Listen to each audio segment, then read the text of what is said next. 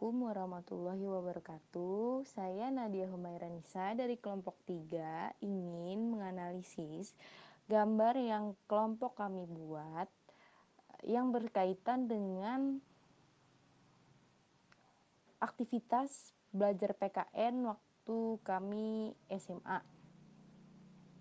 Pada gambar yang pertama dapat dilihat bahwa berhubungan dengan aktivitas persiapan guru PKN waktu saya SM, waktu saya SMA yaitu e, dengan biasanya diawali dengan pemeriksaan atribut kelengkapan dan kemudian siswa disuruh berdiri sesuai dengan gambar bisa dilihat.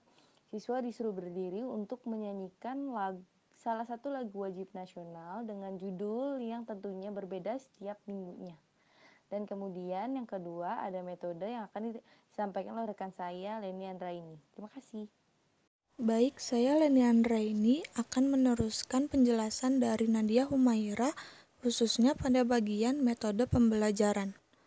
Yang pertama, yang pertama adalah metode ceramah, di mana pada metode ini guru akan menjelaskan secara keseluruhan materi yang sedang dipelajari dan biasanya juga diselingi dengan tanya jawab antara guru dan murid-murid. Yang kedua adalah metode diskusi. Ini biasanya dilakukan melalui presentasi entah itu individu ataupun kelompok. Dan pada metode ini biasanya guru lebih berperan untuk mengawasi serta mengevaluasi jalannya diskusi kami. Dan yang terakhir adalah metode penugasan. Pada metode ini, guru biasanya memberikan soal-soal dari buku ataupun soal-soal uh, esai yang berkaitan dengan analisis. Berdasarkan pengalaman kami belajar PPKN di SMA, kami menyimpulkan bahwa ada tiga metode pembelajaran yang lebih sering digunakan oleh guru-guru kami. Nama saya Fadilan Nurilham. Saya akan melanjutkan pembahasan tentang pengalaman aktivitas pembelajaran PKN saat SMA. Saya akan menjelaskan motivasi siswa ketika pembelajaran PKN. Menurut pengalaman saya yang saya alami, siswa tertarik untuk atau termotivasi untuk pembelajaran PKN dibagi menjadi dua hal, yaitu internal dan eksternal.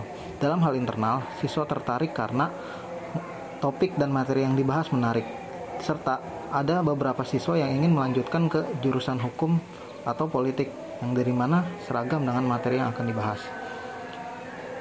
Yang kedua, faktor eksternal, yaitu guru.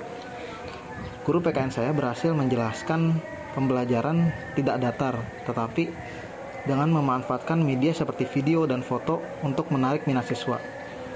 Dan pembahasan yang diberikan guru juga sangat menarik. Selanjutnya, saya Fema Anindiasari akan menjelaskan tentang soal-soal yang diberikan. Pada saat SMA, biasanya guru PKN saya akan memberikan soal sebagai bahan latihan berdasarkan materi yang tertulis dalam buku pegangan, baik buku paket ataupun buku LKS. Namun pada saat ulangan, biasanya beliau akan menambahkan beberapa soal yang jawabannya tidak ada di dalam buku pegangan, namun berdasarkan penjelasan-penjelasan yang telah ia sampaikan di pertemuan-pertemuan sebelumnya. Dan menurut beliau, hal ini dilakukan untuk mengecek apakah selama pembelajaran para siswa memperhatikan dan mencatat hal-hal yang penting dari materi yang ia jabarkan.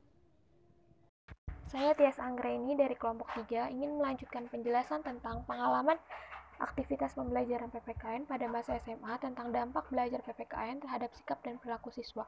Berdasarkan pengalaman saya dan teman-teman lainnya sebagai siswa, dampak yang kami rasakan dari pembelajaran PPKN yang pertama adalah lebih toleran. Karena dengan belajar PKN kita menyadari bahwa Indonesia adalah negara yang beragam.